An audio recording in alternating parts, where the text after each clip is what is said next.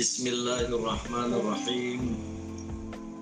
Assalamualaikum warahmatullahi wabarakatuh. Waalaikumsalam. Alhamdulillah wa syukurillah wa la hawla wa la quwata illa billahil aliyyil azim. Yang saya hormati Dr. Kiai Haji Hayu Prabowo Tampak Subianto. Dan kawan-kawan di Siaga Bumi para peserta jamaah Zumiyah semoga kita semua dirahmati Allah Subhanahu wa taala. Saya bersyukur dan berbahagia dapat menyertai acara ini dan apalagi diselenggarakan oleh Siaga Bumi yang ikut saya dirikan dan melibatkan para aktivis dari berbagai kalangan yang memiliki kepedulian bersama untuk pemuliaan lingkungan hidup. Nah memang persoalan lingkungan hidup saya kira sudah lama sekali disadari oleh umat manusia. Terutama adanya kerusakan demi kerusakan yang terjadi di muka bumi ini yaitu kerusakan lingkungan hidup. Maka isu lingkungan hidup environment ini berkembang ya, di seluruh dunia dan merupakan isu global terutama terakhir juga disadari ada momok peradaban berupa climate change and global warming perubahan iklim dan pemanasan global. Maka ya di tingkat global eh, berkembang ya organisasi-organisasi dan lembaga-lembaga yang berikan perhatian pada persoalan ini. Termasuk Sekjen PBB mendirikan United Nations Sustainable Solution Network yang mengamati dan mengendalikan pelaksanaan SDGs Sustainable Development Goals yang salah satu aspek pentingnya adalah penanggulangan pemanasan global dan perubahan iklim tadi itu. Dan kalangan agama, walaupun sejak awal sudah memberikan perhatian terhadap isu ini, dan muncul deklarasi-deklarasi dari kalangan umat beragama untuk adanya pemuliaan atau penanggulangan krisis lingkungan hidup ini, krisis ekologi ini, ya. tak terkecuali dari kalangan Islam. Ya. Saya bersama Dr. Fakhrudin pernah hadir di Istanbul pada sebuah konferensi yang dihadiri oleh lembaga-lembaga pemerhati lingkungan hidup di kalangan umat Islam dan akhirnya melahirkan sebuah deklarasi Istanbul tentang climate solution, tentang solusi terhadap persoalan atau isu tadi perubahan iklim dan pemanasan global. Dan juga agama-agama lain mengeluarkan deklarasi serupa. Maka pada 2015 atau 2014 diadakan pertemuan puncak tokoh-tokoh agama dunia World Religious Leaders Summit on Environment and Climate Change and Global Warming di New York. Pertemuan para pemuka seluruh agama ya, yang diselenggarakan oleh lembaga PBB tadi di bawah naungan Sekjen PBB, Profesor Jeffrey Sachs, dan mengajak Religion for Peace dan lahirlah ya keputusan-keputusan yang perlu dilakukan oleh agama-agama dalam rangka menanggulangi masalah ini. Dan ini berkembang lagi ketika ya Vatikan ikut dilibatkan maka diselenggarakanlah di Vatikan sekitar 2015 ya. Mohon maaf tahun-tahun ini saya lupa semua. Betulan saya ikut serta ya.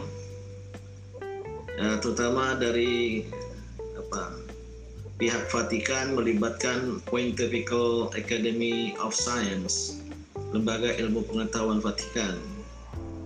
Pertemuan sehari itu melibatkan tokoh agama saya kebetulan menjadi salah seorang pembicara mewakili Islam.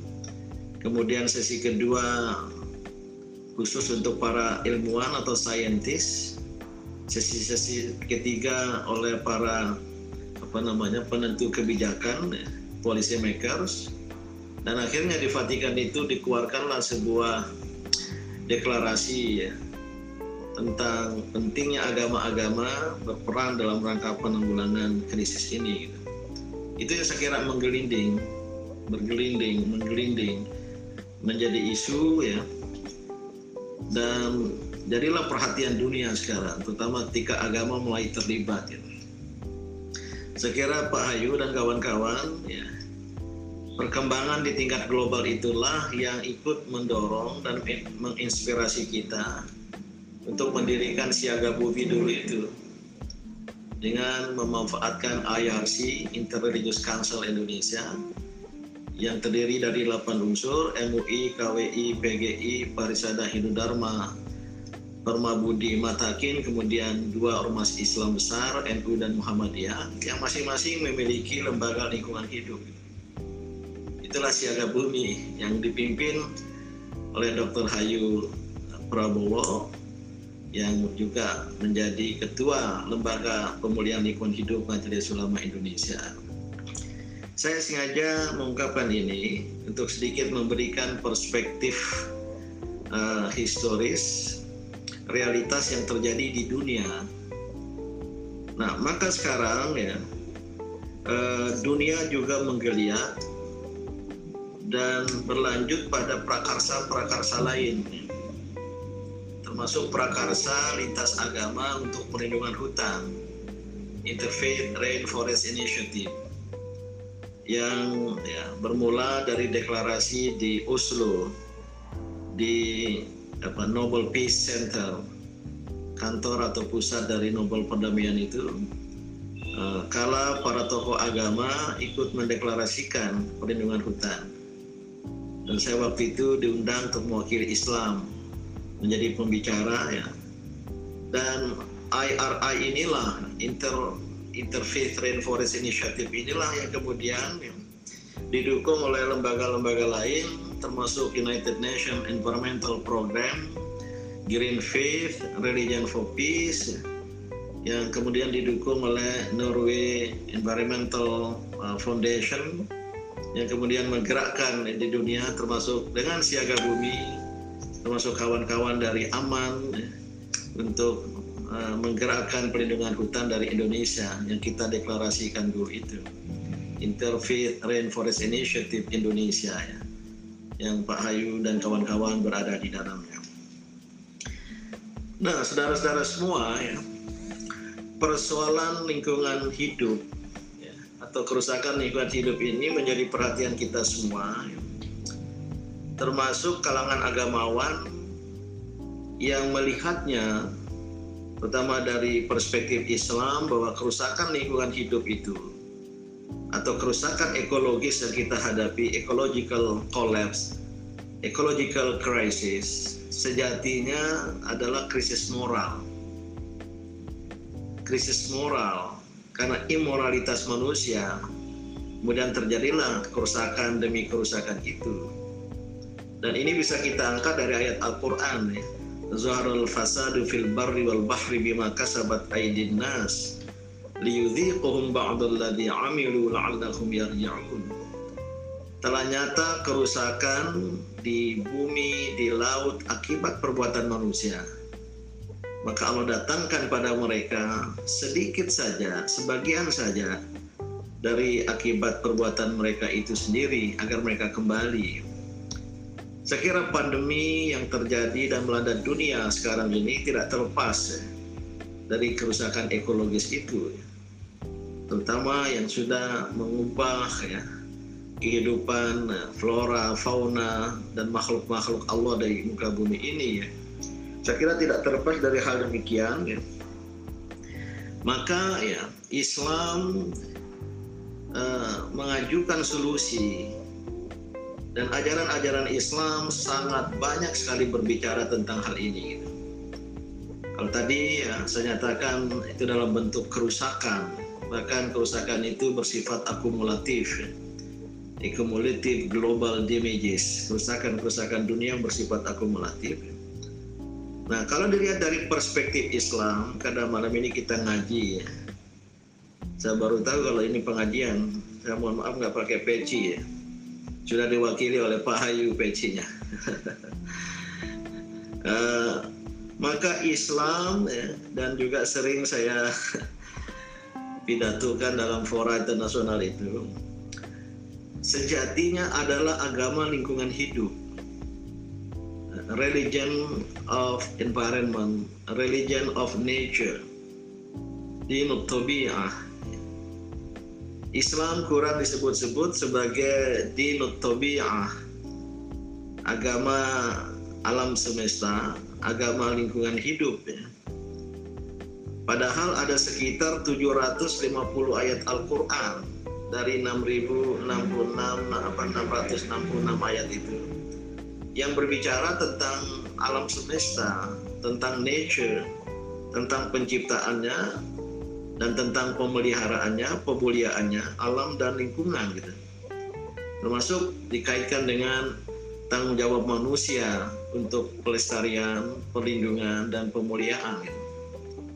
Itu nanti mungkin secara bumi perlu mengumpulkan ayat-ayat itu. Diisyaratkan sekitar 750 ya, tentu dalam konteks yang lebih luas dan bentuk-bentuk derivatif dari sekedar berbicara tentang tentang lingkungan itu.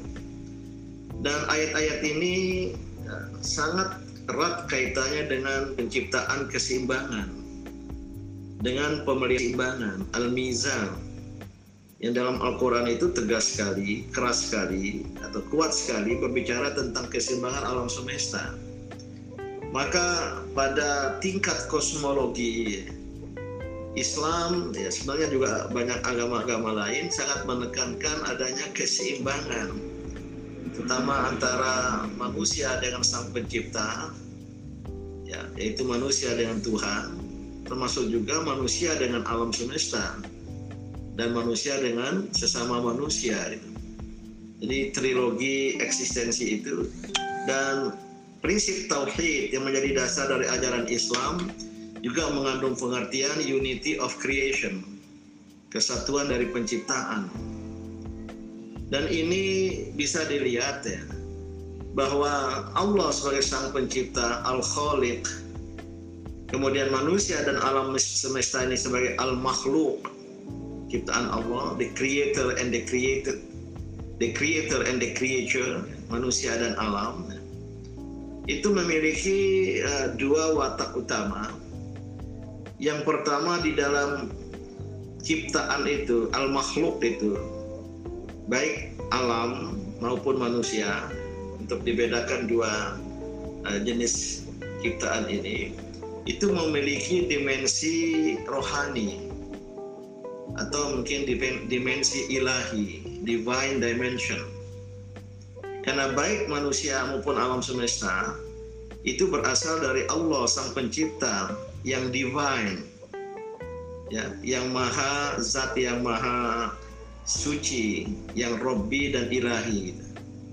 Maka dalam diri manusia itu ada dimensi ilahi, atau mungkin dimensi robbani, divine dimension. Dan itu jelas ya, terhadap manusia karena manusia kemudian setelah sempurna kejadian fisik dihembuskan pada padanya dari rohnya. Thumma sawahu kemudian setelah Allah menciptakan menyempurnakan kejadian manusia dalam kandungan ibunya wa fihi min ruhihi kemudian Allah hembuskan padanya dari rohnya maka potensi-potensi insan ini memiliki dimensi suci, fitrah kemanusiaan berdimensi suci. Tapi fitrah kemanusiaan berdimensi potensi, ada kekuatan-kekuatan. Ini yang pertama ya. Ada da, eh, apa? divine dimension, dimensi ilahi dalam ciptaan. Dalam manusia dan juga dalam alam semesta. Maka Islam memandang alam semesta baik tumbuh-tumbuhan, hewan, semuanya itu punya jiwa. Kita saja tidak pernah melihatnya sebagai makhluk ciptaan yang berjiwa. Tumbuh-tumbuhan berjiwa, hewan berjiwa, seperti juga manusia. Ada dalam surat Al-Quran itu ya, jika berbicara tentang binatang melata di bumi dan juga burung-burung di langit. Ya. Kalau tidak salah istilah Al-Qur'annya apa namanya? Apa, illa umamun amsalukum ada di sebuah surat ayat surat Al-An'am. Illa umamun amsalukum. Jadi binatang-binatang itu di situ hanya digambarkan dua ya. Binatang-binatang melata termasuk di bumi dan itu di dekat tumbuh-tumbuhan dan burung-burung di langit itu. Illa umamun amsalukum. Ada analogi dengan manusia. Paling tidak sebagai makhluk ciptaan yang juga berjiwa itu.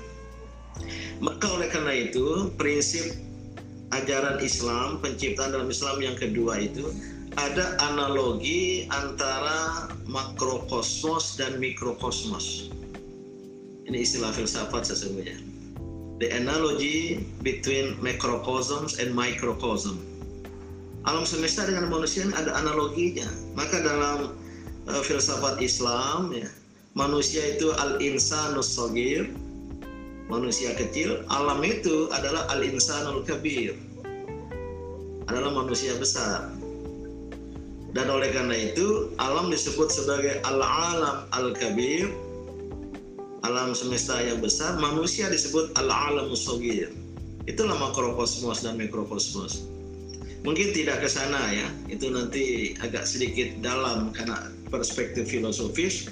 Tapi yang ingin saya maksudkan adalah alam semesta atau bi'ah itu mempunyai roh, mempunyai jiwa, soul, seperti manusia itu sendiri. Maka hubungan antara manusia dengan alam semesta, hubungan manusia dengan lingkungan hidup, hubungan manusia dengan hewan, tumbuh-tumbuhan, Fly hundreds of ships as you fight, explore, and trade across a vast universe. EVE Online is your unique space adventure set in the universe of New Eden, where you can play free and choose your own path from countless options. Fly more than 350 ships in over 7,000 star systems. Experience space exploration, immense PvE combat, manufacturing in a thriving player economy, and gaming's greatest PvP battles. All this in an ever-expanding player-driven sandbox.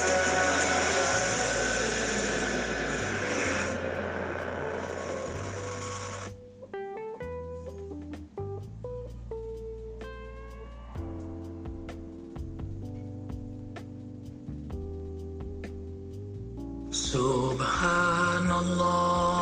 Subhanallah. Masya Allah. Kita saksikan bersama madu menjadi mujizat sebagai obat bagi hambanya yang meyakininya. Yakhruju min butuniha syarabun mukhtalifun alwanuh fihi shifaun linnas. Saya menjalani cuci darah 64 kali. Saya berikhtiar kepada Allah, saya minum madu ajikro. Alhamdulillah, ginjal saya normal kembali dan tidak cuci darah lagi. Badan sakit, saya bisa beraktivitas kembali. Banyak yang mengatakan saya akan sulit punya keturunan. Tapi setelah mencoba ikhtiar dengan madu Azikra Super, Alhamdulillah head saya lancar. Dan bahkan setelah saya berkeluarga, tidak lama kemudian saya hamil. Sekarang sudah tujuh bulan.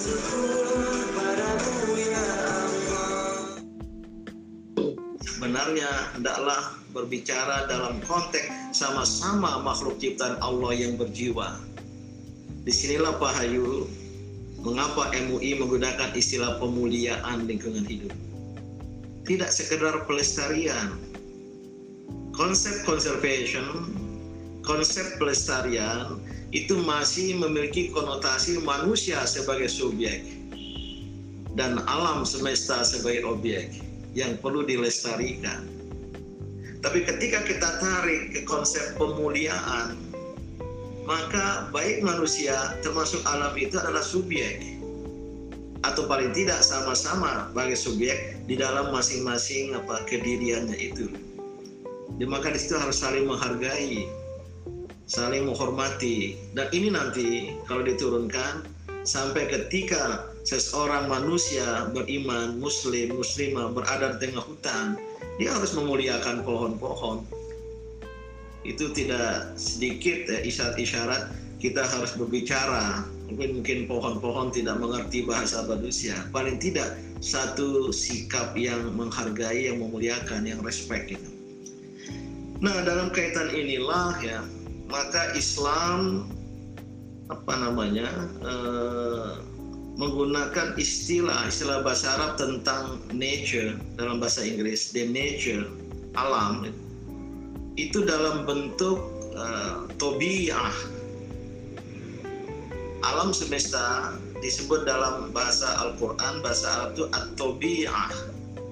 Bagi yang belajar bahasa Arab kata tobiah pada apa wazan fa'il itu subjek bukan objek kalau alam the nature is an object sebagai objek maka bahasa Arabnya bukan tobi'ah adalah matbu lagi-lagi bagi yang belajar bahasa Arab ada fa'il, fa'il, fa'il, ada maf'ul. Maf'ul itu objek.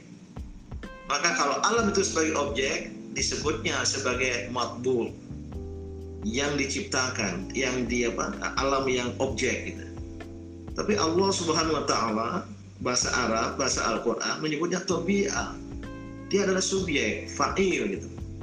Mungkin kalau dalam bahasa Latin kalau misalnya natura naturata ya itu objek alam semesta itu nature itu is an object tapi karena pakai tobia maka mungkin dalam bahasa Latin ya saya nggak bisa bahasa Latin natura naturatan dia sebagai bukan natura naturata natura naturatan ya saya pernah membaca istilah itu gitu di sinilah lahir konsep apa namanya pemulihan tadi itu ya nah krisis ekologi sebagai krisis moral berpangkal pada persepsi manusia tentang alam semesta dan lingkungan hidup itu sebagai objek.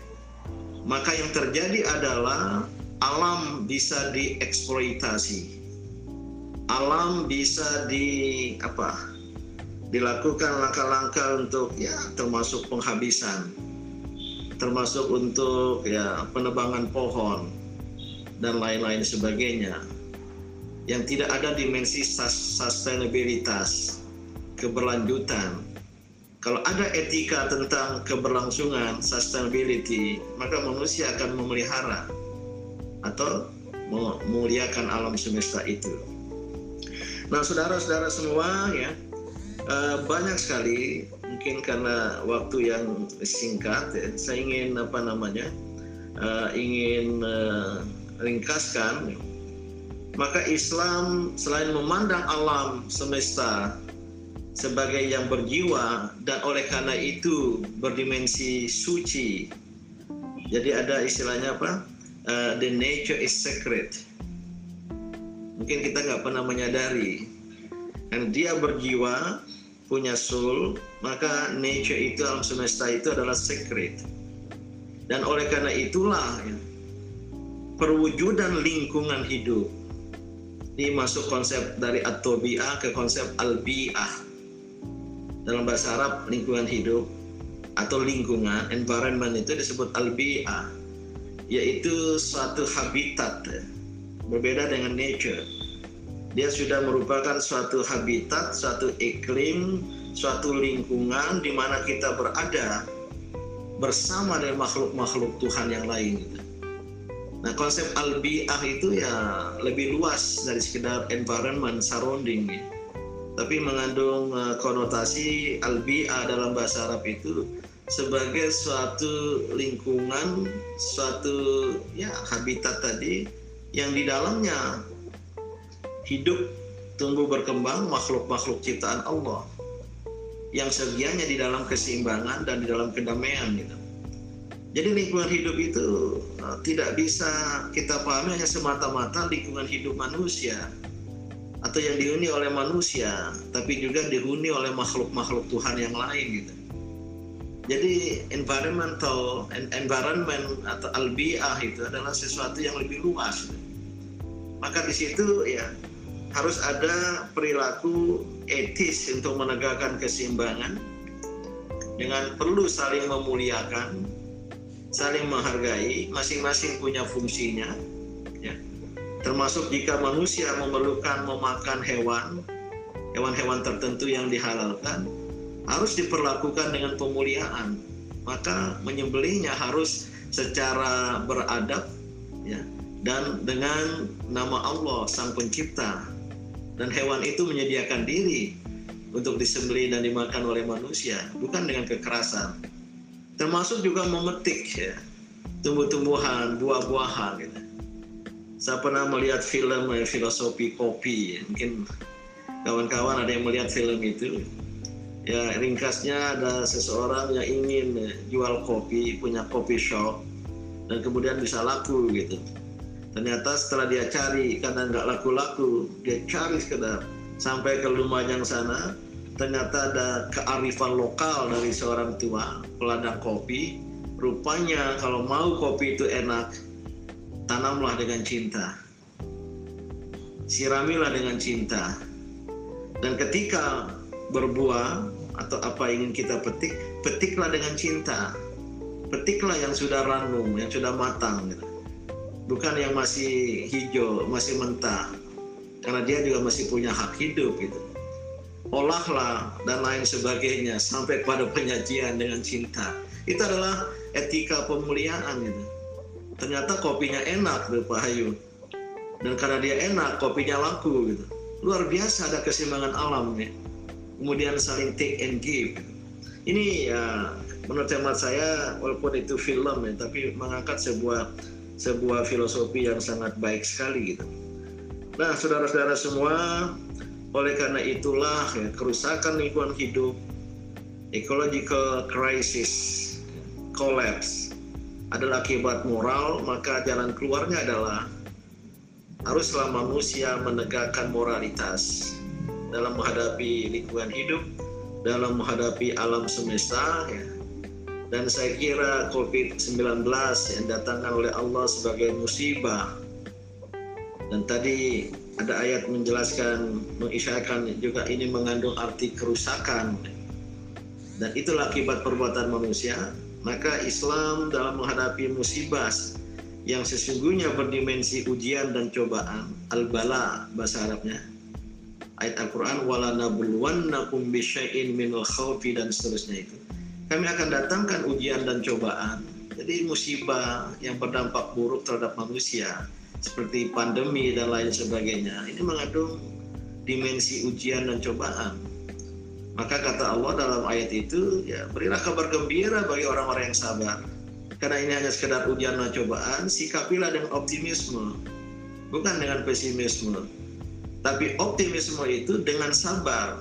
Tapi tidak cukup dengan sabar. Obashir sabirin, tapi orang sabar itu adalah yang ketika ditimpa musibah, qalu inna lillahi wa inna ilaihi rajiun. Sesungguhnya kami kami ciptaan Allah berasal dari Allah dan akan kembali ke hadiratnya.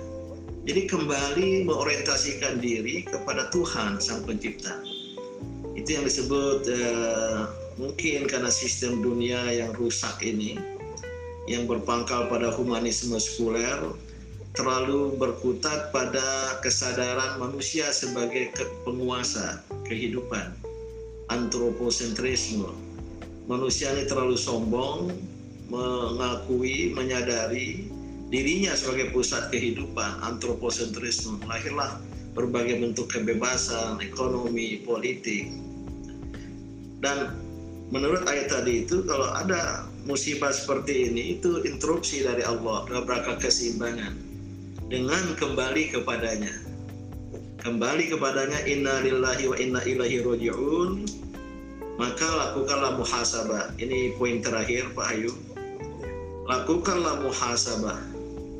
Muhasabah, mawas diri, evaluasi diri.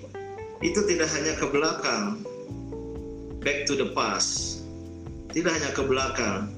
Kita perlu bermuhasabah dengan melihat ke belakang tentang apa-apa yang telah kita lakukan selama ini. Mungkin karena jauh dari nilai-nilai ketuhanan tadi sistem dunia yang sangat antroposentristik yang kemudian buka jalan bagi kebebasan hanya humanisme sekuler kemanusiaan yang sekularistik sekulum itu mengakui bahwa hidup itu hanya kini dan di sini kini now and here tidak ada nanti dan di sana tidak ada dimensi eskatologis kalau agama khususnya Islam sangat kuat Al imanu billah beriman pada Allah wal iman bil yaumil akhir.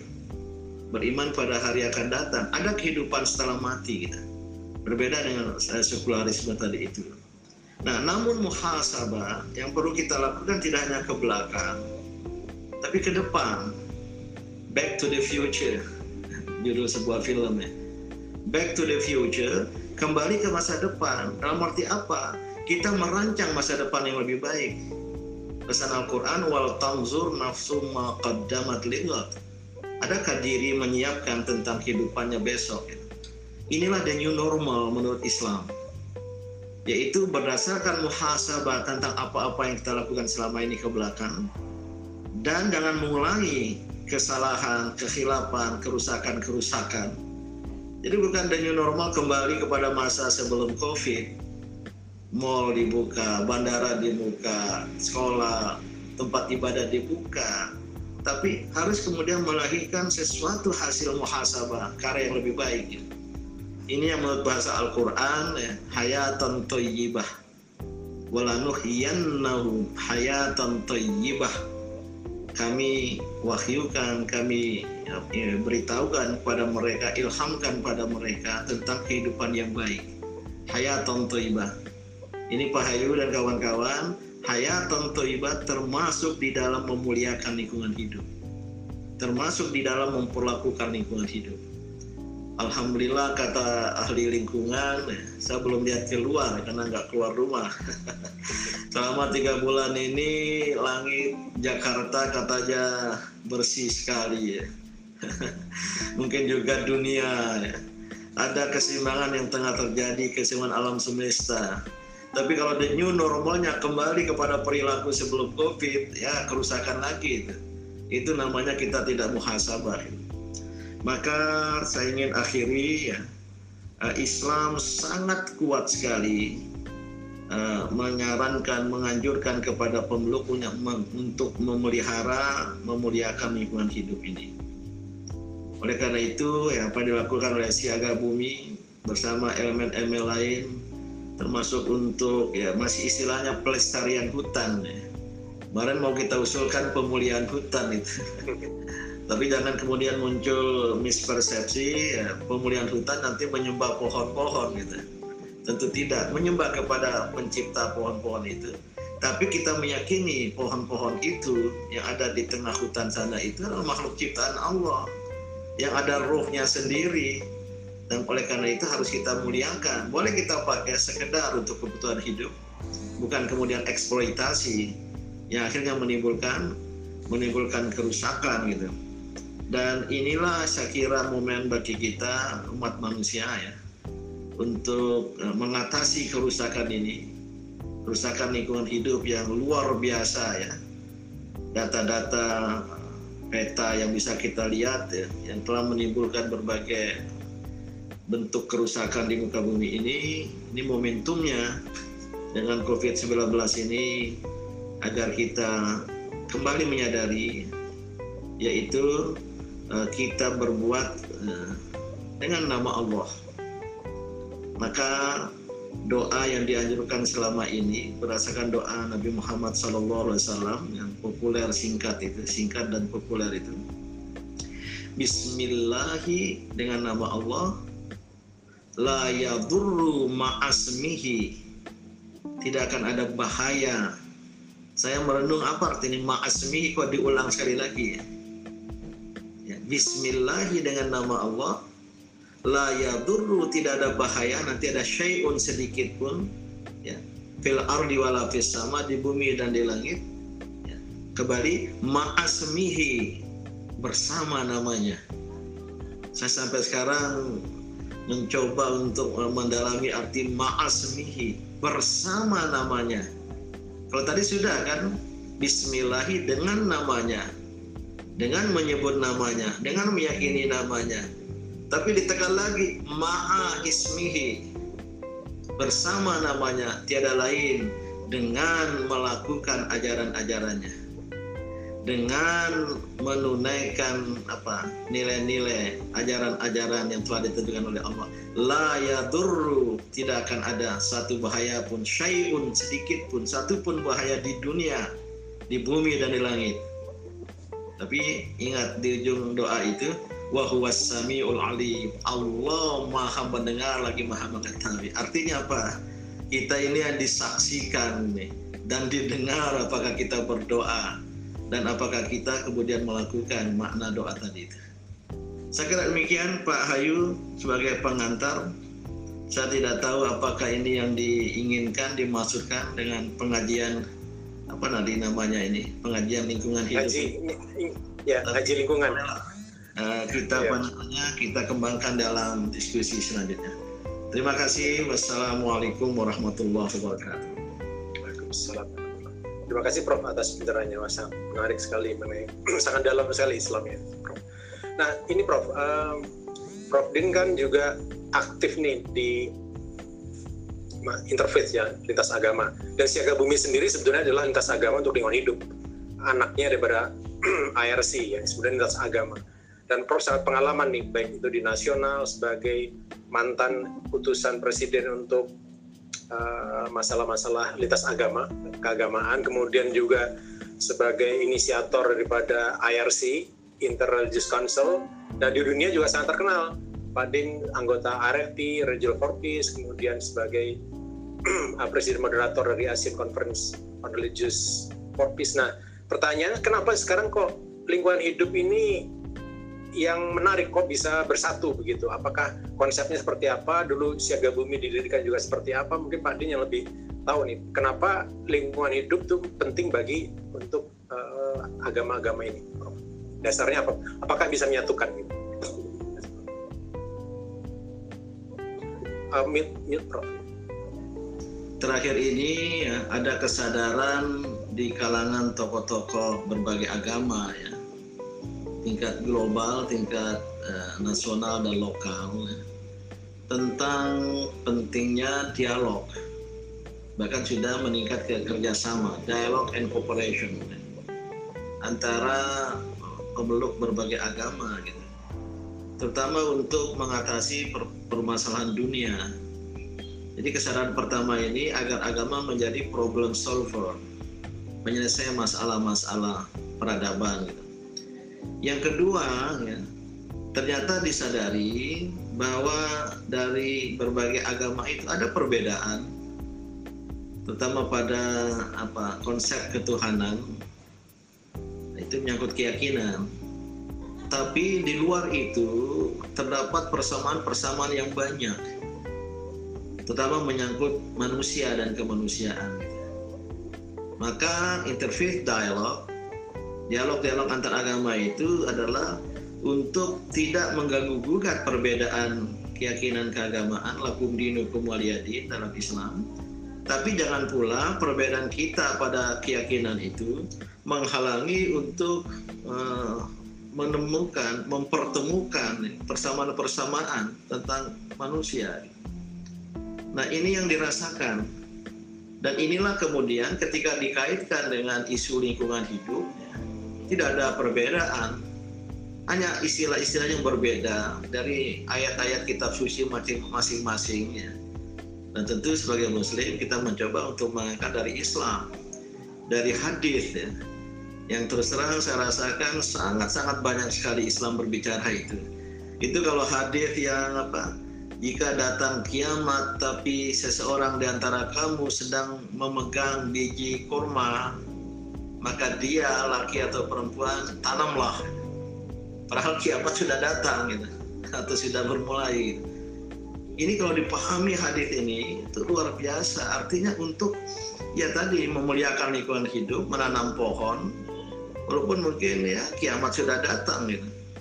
Apalagi jika belum terjadi kiamat gitu jadi kalau ditanya seperti tadi itu ya pertama karena ada ada na, apa perasaan senasib sepenanggungan akibat kerusakan global yang terjadi akibat ulah manusia terjadi kerusakan ekologis sama-sama merasakannya maka muncul kesadaran mari bersama-sama untuk untuk apa namanya untuk menanggulanginya. Nah, inilah interfaith dialog yang sekarang luar biasa ya luar biasa apa namanya kesamaan eh, tidak menggugat mengganggu gugat soal perbedaan keyakinan tadi itu.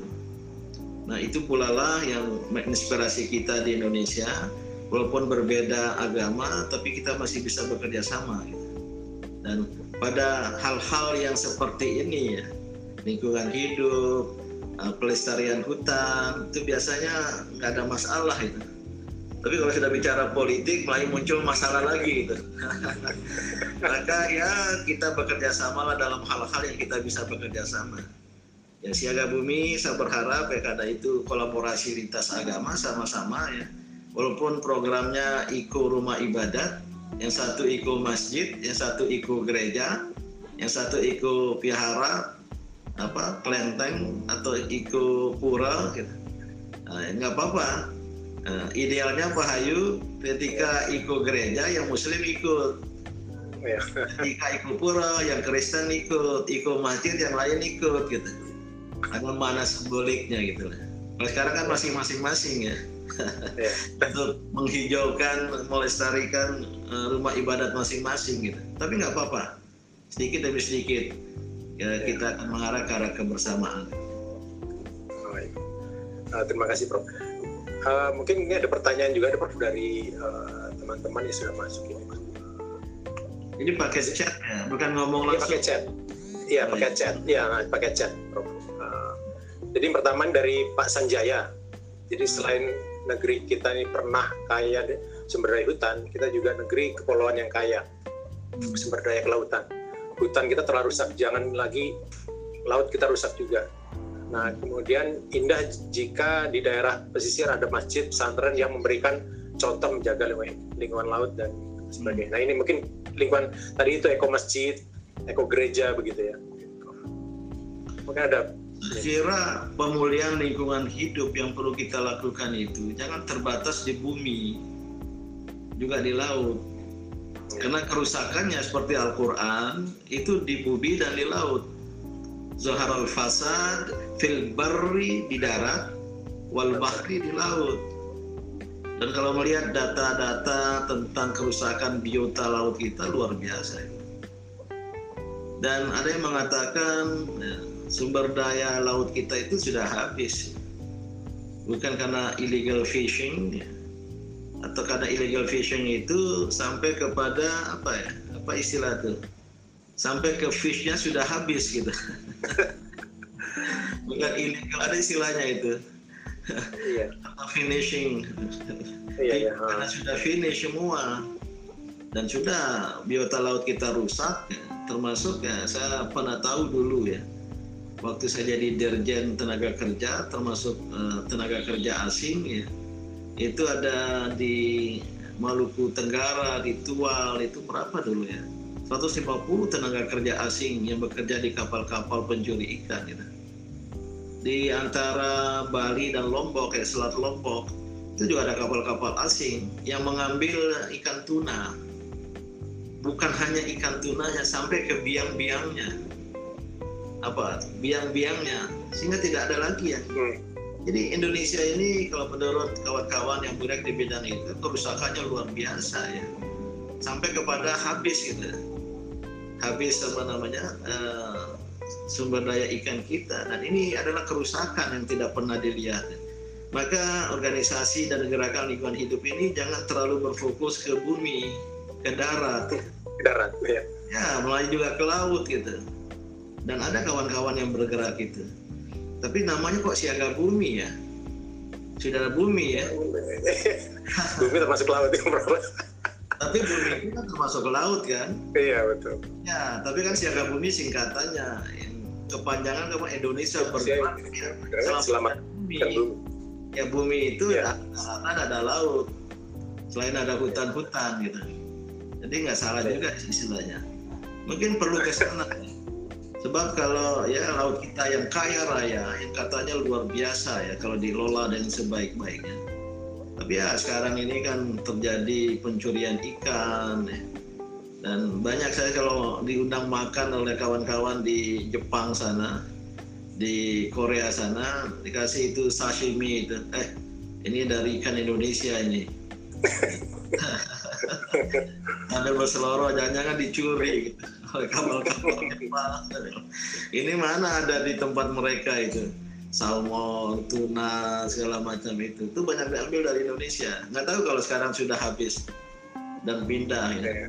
Karena pindah ke Laut Cina Selatan, ke Malaysia, ke Vietnam, nanti nelayan Madura tertangkap di sana, dia bisa beralasan ini kan ikan dari Madura yang lari ke ke sana.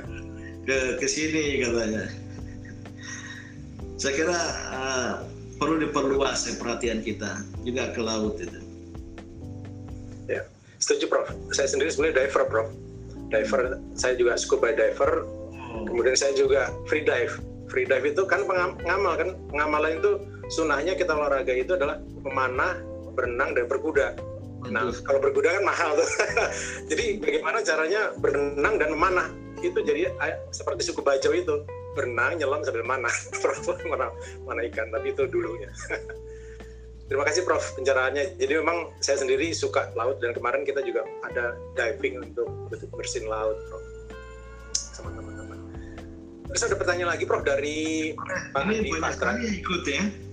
Oh iya Prof, ini ya, Ah, iya, Cuma betul. semuanya menutup diri ya, hanya nama saja nggak ada wajahnya. iya Prof, Eh, supaya ini Prof lebih fokus Prof. Oh, lebih fokus. Bukan lebih fokus. Iya, iya. Jangan-jangan lebih hemat pulsa. Iya Prof. Eh, pertanyaan kedua Prof ini eh, mengenai ini izin bertanya Assalamualaikum warahmatullahi wabarakatuh Prof Din dan Prof Ayu bagaimana sebagai Muhammad bisa tidak kita dorong konsep pemuliaan ini dalam mengelola alam sekitar kita menjadi undang-undang positif di negeri ini dari konsep pengajuan perjuangan dan sampai ke implementasi sehingga kita diberkahi oleh Allah Subhanahu wa taala. Amin. Mohon pencerahannya, Prof. Ya, saya kira itu yang harus kita perjuangkan. Saya pribadi sudah pernah juga mengusulkan. ya. Ada sebuah undang-undang, saya tidak tahu apa ada, tapi harus dilihat lagi ya. Yang bisa menjamin dan menjadi landasan hukum kita bagi kerjasama dan kebersamaan. Saya kira ini harus dalam kebersamaan, dalam kolaborasi. Karena pemerintah tidak bisa sendiri, tapi elemen masyarakat juga tidak bisa sendiri, harus bersama-sama, baik lintas agama maupun antara masyarakat dengan pemerintah, termasuk wakil-wakil rakyat. Jadi kalau tidak ada landasan hukum, ya ini kan seringnya kita tidak masuk ke bisa masuk ke apa ya untuk menjerat pelaku pengerusakan itu, khususnya hutan itu. Kemarin kan kita berusaha segera ada undang-undang tentang pelestarian hutan ya untuk menjadi apa ya pendukung bagi gerakan kita untuk eh, apa namanya rainforest protection itu untuk perlindungan hutan itu. Nah ini harus kita komunikasikan dengan kawan-kawan di DPR sana ya untuk bisa ada dan sudah pernah ada kan atau sudah ada undang-undang itu. Tapi kan pamannya saya mendengar mengetahui ada peraturan-peraturan daerah yang memungkinkan untuk bebas rakyat penduduk daerah itu untuk membakar hutan tapi maksimum 2 hektar katanya. Nah, itu yang sering katanya digunakan oleh korporat-korporat ya dengan membagi. Saya kira ya Pak Hayu, nah, pendekatan hukum ini satu hal perlu kita lakukan. Maka ini perlu advokasi dan terutama komunikasi dengan kawan-kawan di partai-partai politik di DPR sana. Namun yang kedua ya kita semua ya siaga bumi, aman dan lembaga-lembaga lingkungan hidup ini saya kira perlu melakukan edukasi, advokasi pada masyarakat, terutama dengan menemukan kearifan lokal. Saya pernah mensurvei sedikit dan saya angkat di dialog Ramadan saya di TVRI beberapa tahun yang lalu, dua tiga tahun yang lalu ya, tentang kearifan lokal ya, mutiara hikmah Nusantara dan ternyata banyak sekali yang yang relevan dengan pemulihan uh, lingkungan hidup termasuk hutan ya. Ada yang menarik waduh, padahal ini suku tetangga saya ya. Suku Bojo Bima itu di Pulau Sumbawa. Saya suku Samawa Sumbawanya. Nanti loh. Ngaha Nio Ngaho, aduh saya lupa sekali. Mohon maaf kalau ada kawan-kawan Bojo di sini. Hanya tiga kata, Ngaha, Ngoho. Ngaha itu makan, Ngoho itu merusak hutan. Ditaruh ada kata tengahnya itu tanpa gitu. Makanlah tanpa merusak hutan gitu. Kan bagus itu. Dan saya kira daerah-daerah lain punya karifan lokal gitu. jadi pendekatannya harus simultan. Satu ya kita melakukan uh, edukasi ya termasuk advokasi. Termasuk juga kita usahakan ada landasan hukum supaya pemerintah ya, punya apa punya hak, punya kewenangan untuk menegakkan hukum ya. Asalkan hukum itu ditegakkan dengan sebenar-benarnya. Kira kawan-kawan di sini banyak ahli hukum ya, bisa membantu untuk merumuskan. Ya. Biar perlu buatlah naskah akademik dulu. Nanti kita usulkan ke DPR kan, bisa jadi usul inisiatif atau juga bersama pemerintah.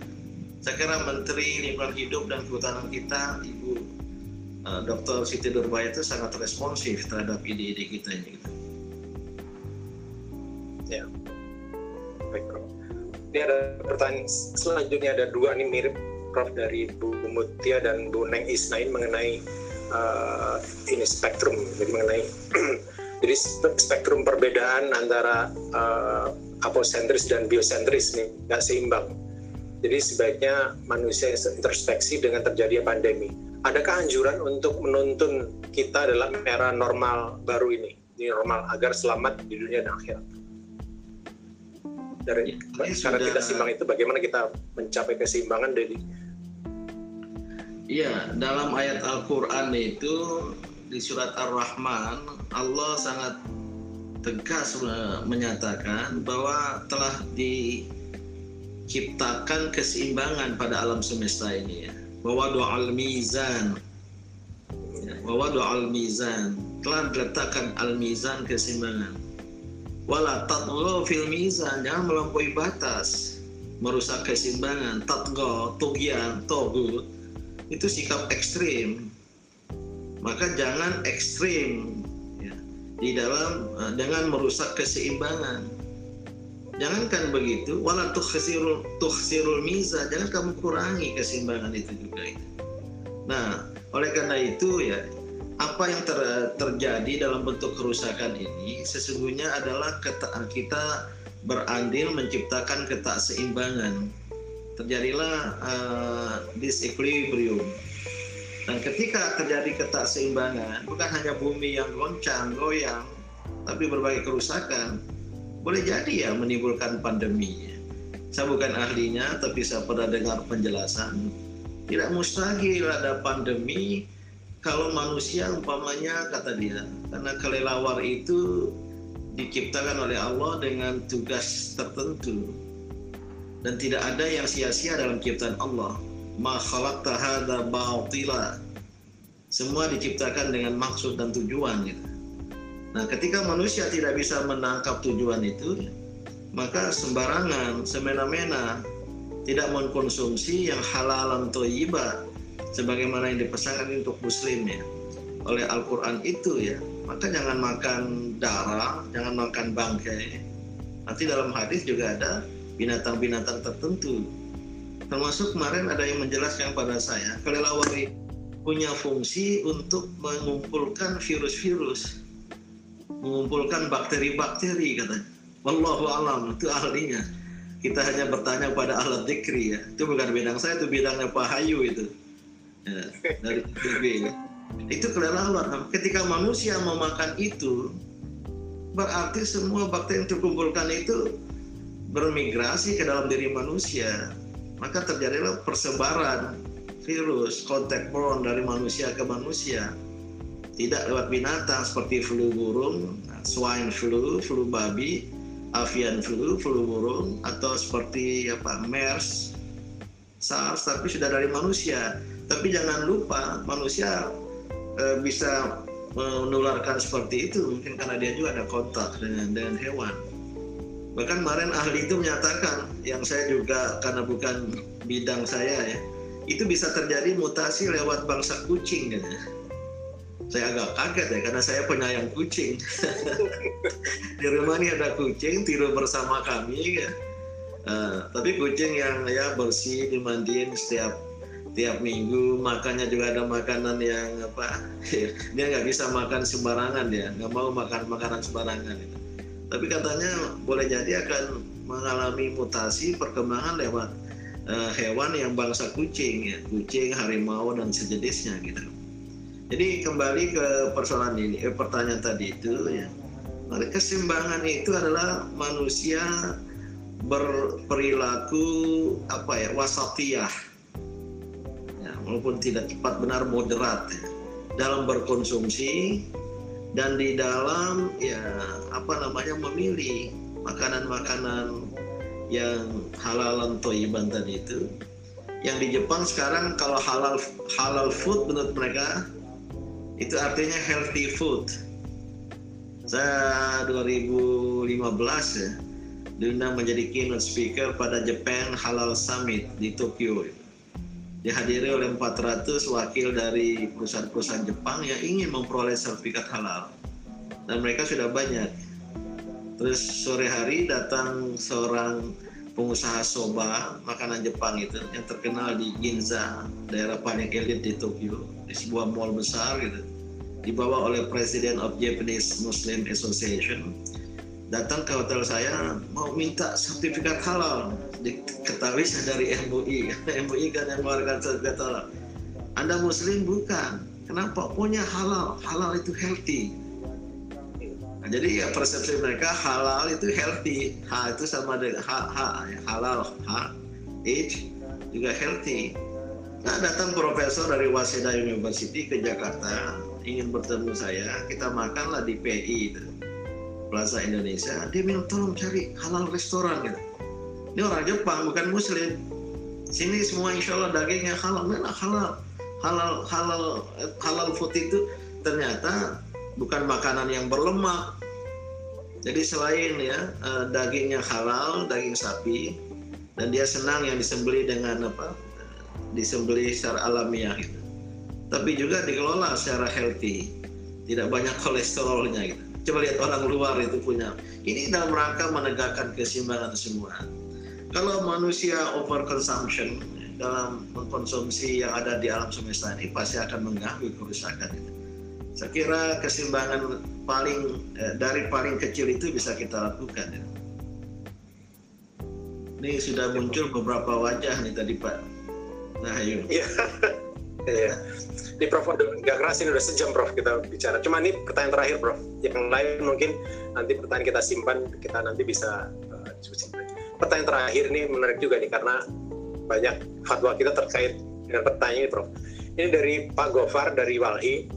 Prof Din, kalau berdasarkan catatan kasus Karutla 2019 kemarin, ada sekitar 60-an perusahaan HTI sawit yang terkait dengan terjadinya karhutla di beberapa provinsi. Bagaimana sikap agama-agama terkait kerusakan lingkungan yang dilakukan oleh korporasi ini? Saya berpendapat itu termasuk dosa besar.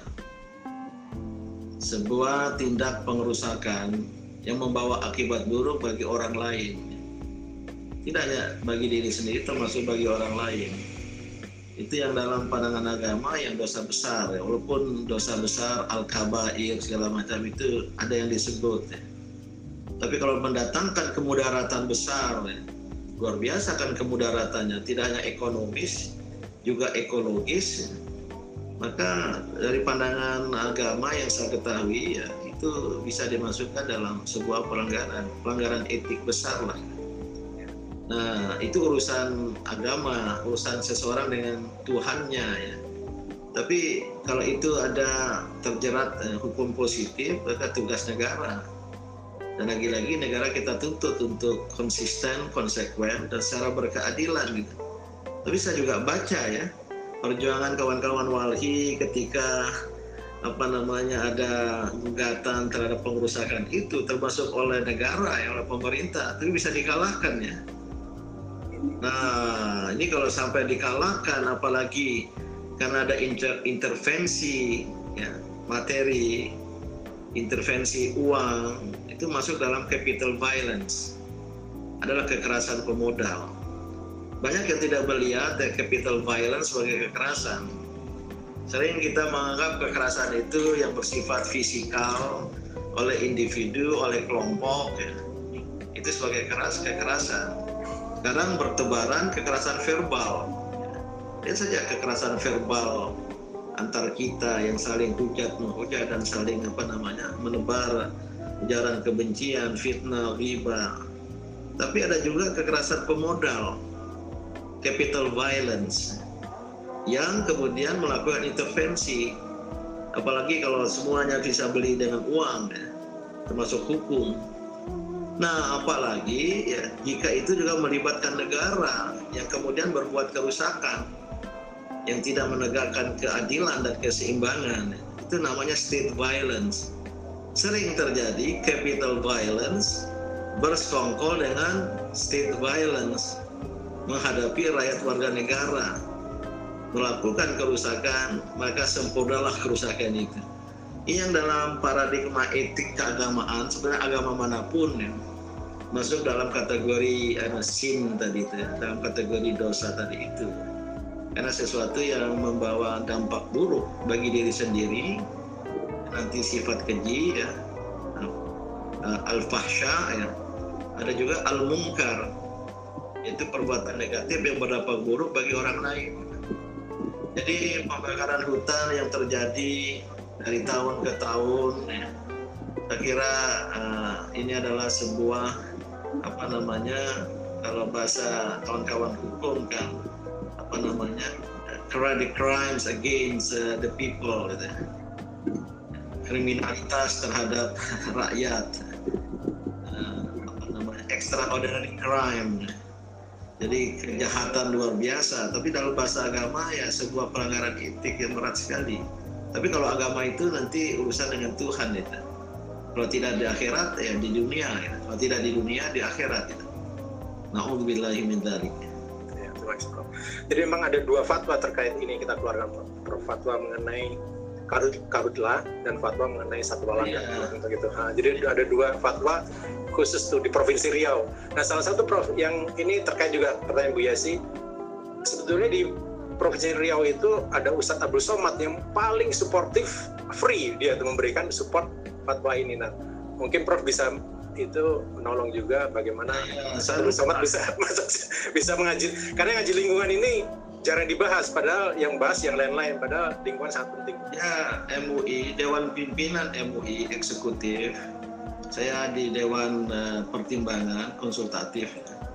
Saya mengetahui uh, Dewan Pimpinan, ya, atau mereka menyebut PIMHAR, Pimpinan Harian, Eksekutif MU itu, lewat Komisi Fatwa sudah banyak mengeluarkan fatwa ya Pak Hayu ya. Iya betul. Maka saya disuruh minta ke Pak Hayu tolong nah, saya karena ada permintaan dari luar negeri. Oh iya, saya sudah translate juga. Ya. Dan itu Dr. Fakhrudin atau lewat mana pernah menerjemahkan ke dalam bahasa Inggris dan sudah dicetak. Kalau kita bawa ke forum internasional itu sangat diminati. Iya betul. Jadi para ulama Indonesia sudah cukup memberikan eh, menunjukkan tanggung jawab mengeluarkan fatwa. Apalagi itu apa saja Pak Ayu fatwa yang sudah ada?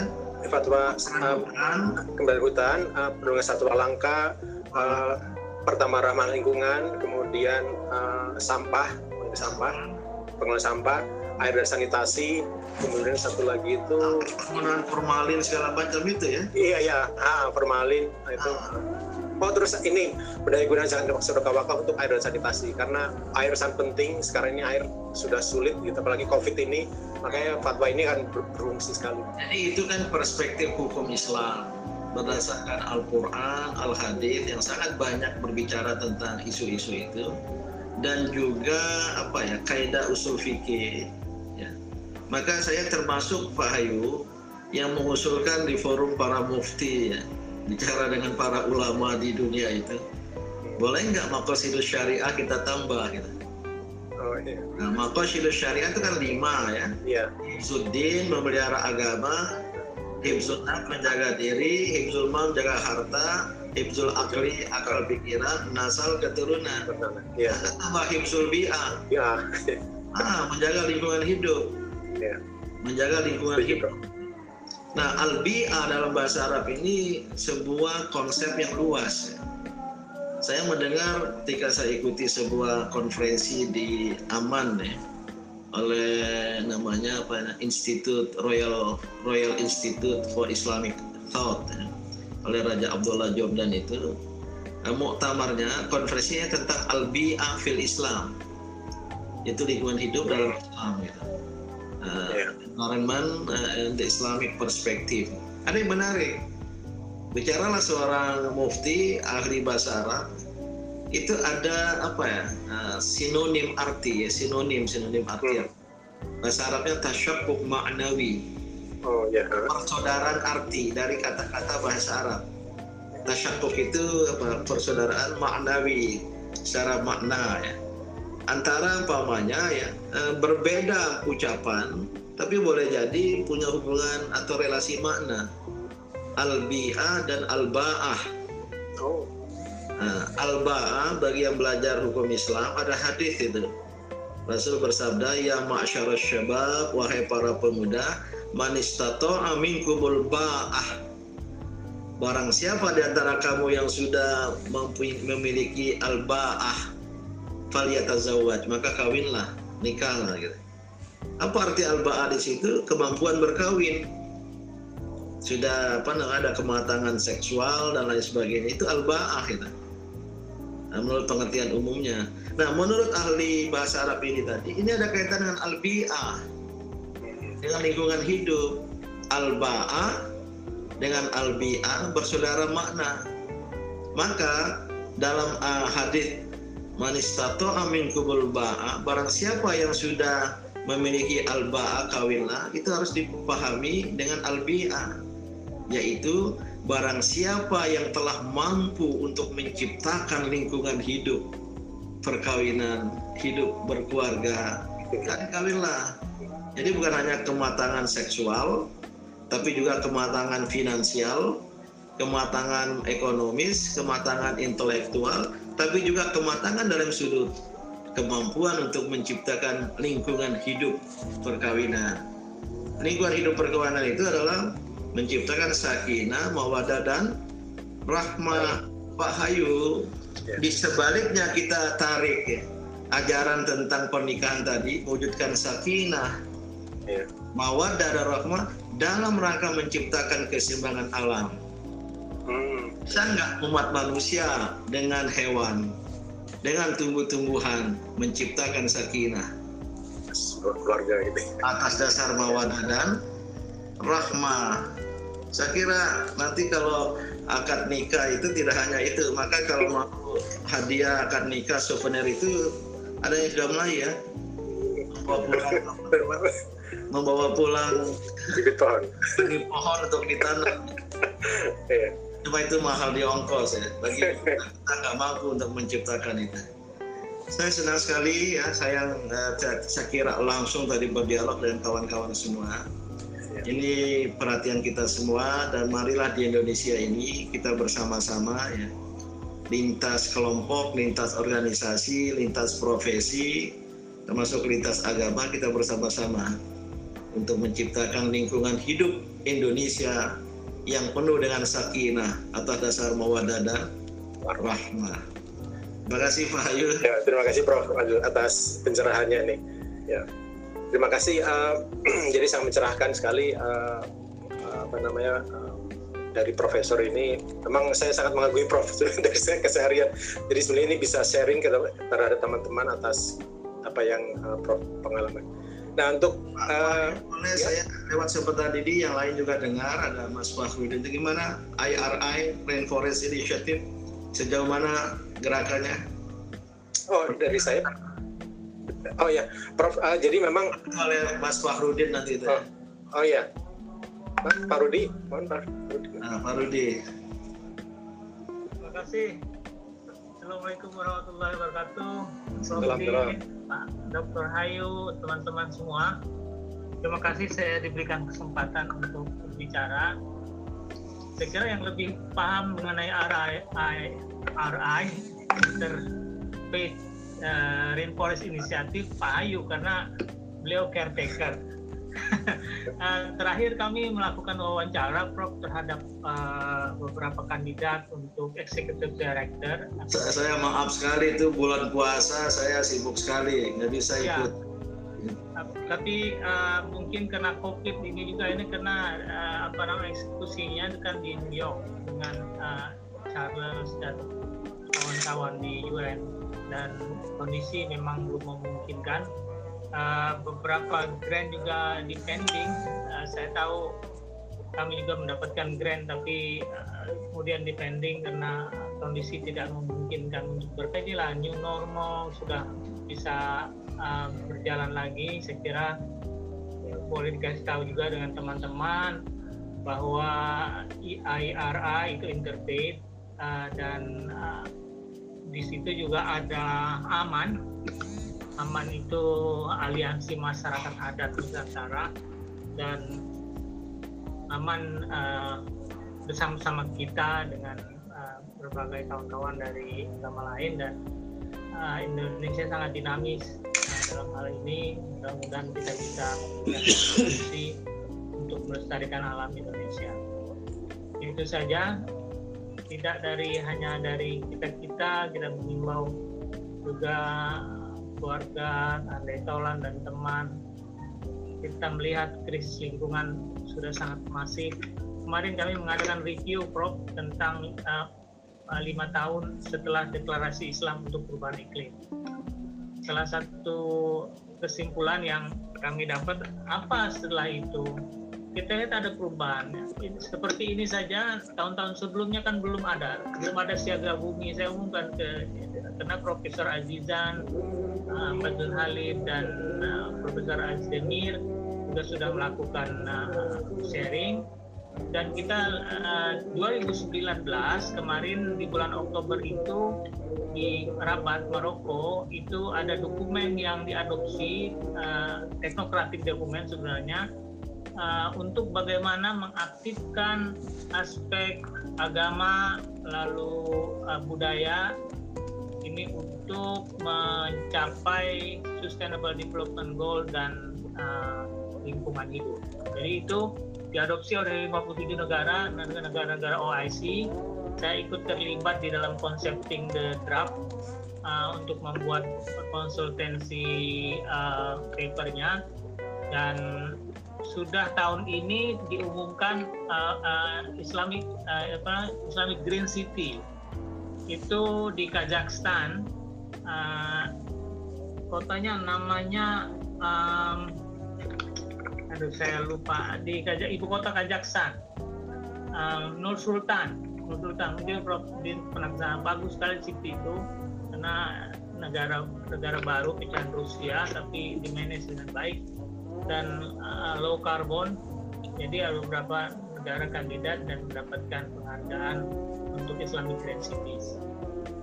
Kira ya, banyak hal yang yang yang kita bisa eskalasi mengenai aktivitas Green Masjid di Indonesia juga bisa menjadi teladan mudah-mudahan terus masif. Saya sudah bermimpi bertahun-tahun dengan Pak Hayu tuh dari mulai awal kami gimana Pak? Ayu mulai saja sih. Yeah. mulai saja. Alhamdulillah ini banyak sekali gerakannya. Ya 2000 2004 2000 berapa Pak Ayu? 2012 2013 kita diskusi yeah. mengenai masjid. Eko Masjid ya. Ya jadi kita deklarasikan 2015 di Azikra uh, kemudian ada model-model. Ya teruslah mudah-mudahan kita bisa mendapatkan akses-akses bersama pemerintah bersama masyarakat Terima kasih Pak Din. kesempatannya Pak Yu. Terima kasih Pak Rudi. Jadi Pak Din kami laporkan juga Pak Din, jadi selain dengan IRI itu di dengan UNEP New York, insya Allah kita juga membuka jaringan lagi dengan UNEP juga, cuma untuk Faith for Earth. Jadi insya Allah ini uh, minggu depan pembicaranya dari UNEP. dedicated dedicated partner UNEP. Nah, Kamran, bisa tolong di ini posternya uh, Mas Adit? Oh, Kamran. Ah, Kamran ya Pak. Uh, Bahu Trust. Ya, jadi Trust ya. Beliau adalah partnernya dari Iyad, Dokter Iyad.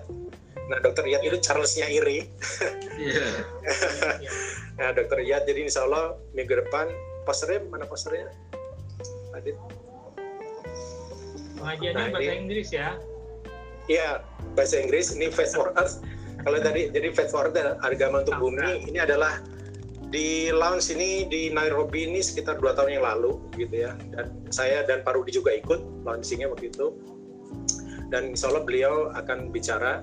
Nah ini adalah satu jalur lagi untuk uh, membangun uh, hubungan internasional kita. Jadi dari dari Indonesia ke internasional gitu. melalui melalui dua, dua jalur ke UNEP gitu. Nah ini uh, itu yang dapat kami laporkan Pak Din terima kasih atas waktunya dan sudah agak telat, mohon maaf nih, lewat 15 menit Pak Din. Terima kasih, uh, semoga Pak Din diberi kesehatan, diberi kekuatan begitu uh, menghadapi segala tantangan yang ada di depan itu Pak Din. Ya, sekaligus saya numpang eh, promosi dan undangan karena disebut-sebut tadi Ustadz Abdul Somad Mas. Beliau besok akan berbicara pada pengajian virtual pimpinan ranting Muhammadiyah Pondok Labu. Ya, saya pimpin, saya menjadi moderator. Ah. Di UAS pada hari Ahad jam 4 sore ya, lewat Zoom juga.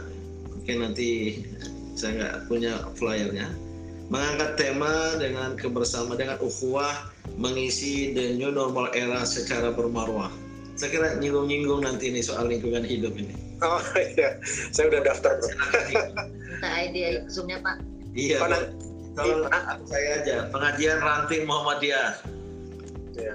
Nanti saya bisa share, saya bisa share. Saya ya. punya ya. Terima kasih Pak Hayul. Ya terima kasih, terima kasih uh, para hadirin yang dirahmati Allah. Semoga nanti minggu depan dan selanjutnya kita akan lakukan tiap minggu begitu. Ini ngaji lingkungan ini mudah-mudahan bisa berlangsung terus begitu ya. Nah ini mohon dukungan dan doanya.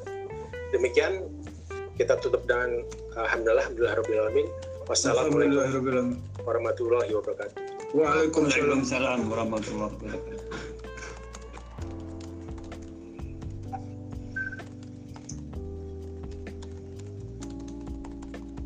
And 5, 4, 3, 2, 1, close the door. One and only, of course.